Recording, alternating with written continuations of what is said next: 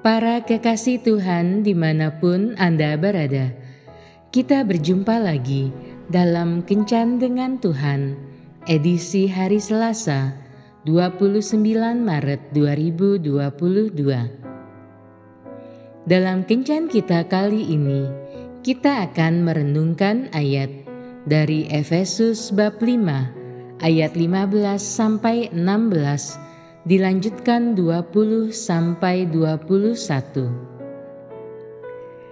Karena itu, perhatikanlah dengan seksama bagaimana kamu hidup. Janganlah seperti orang bebal, tetapi seperti orang arif.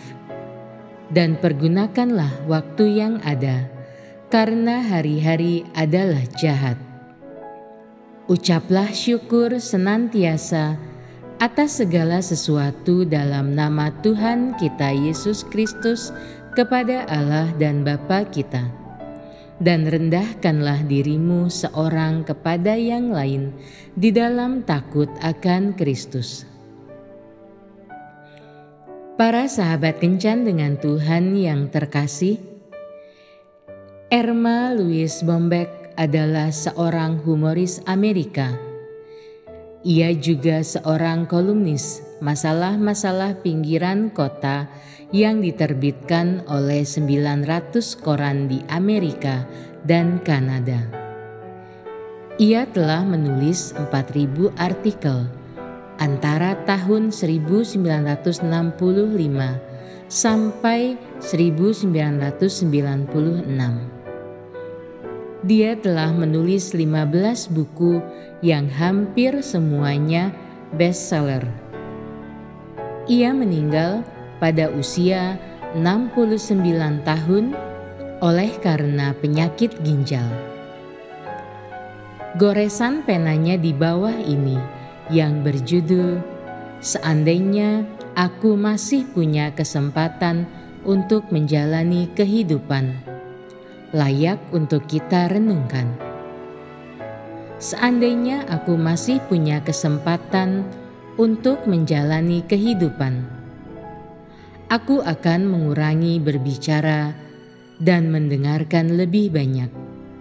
Aku akan mengundang teman-teman untuk makan malam di rumah, sekalipun karpetku akan ternoda dan sofaku jadi rusak aku akan menikmati makan popcorn di ruang tamu dan mengurangi kekhawatiran tentang debu-debu karena seseorang menyalakan perapian.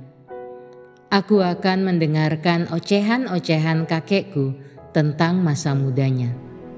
Aku tidak akan ngotot menutup kaca jendela mobilku di musim panas karena rambutku yang sudah tertata rapi dan di spray. Aku akan menyalakan lilin merah jambu itu sebelum ia rusak di gudang. Aku akan duduk di halaman rumput dengan anak-anakku tanpa khawatir rumput yang kotor. Aku akan menangis dan mengurangi tertawa ketika menonton TV, dan lebih lagi ketika melihat kehidupan ini aku akan mengambil sebagian beban yang dipikul suamiku. Aku akan beristirahat di ranjang ketika sakit dan bukannya ngotot berpikir bahwa dunia akan meninggalkanku jika aku tidak bekerja hari itu.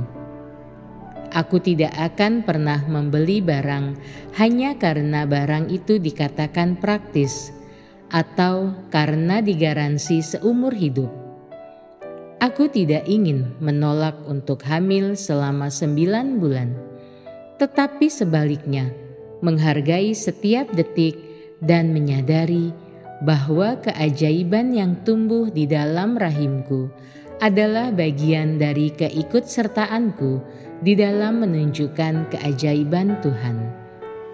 Jika anakku menciumku dengan tiba-tiba, aku tidak akan pernah berkata, nanti saja ciumannya.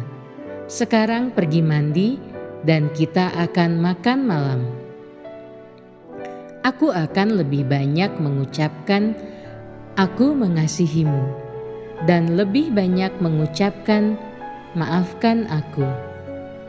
Tetapi yang terpenting, aku akan meraih setiap menit, memandangmu, betul-betul melihatnya, menghidupinya, dan tidak pernah menyia-nyiakannya.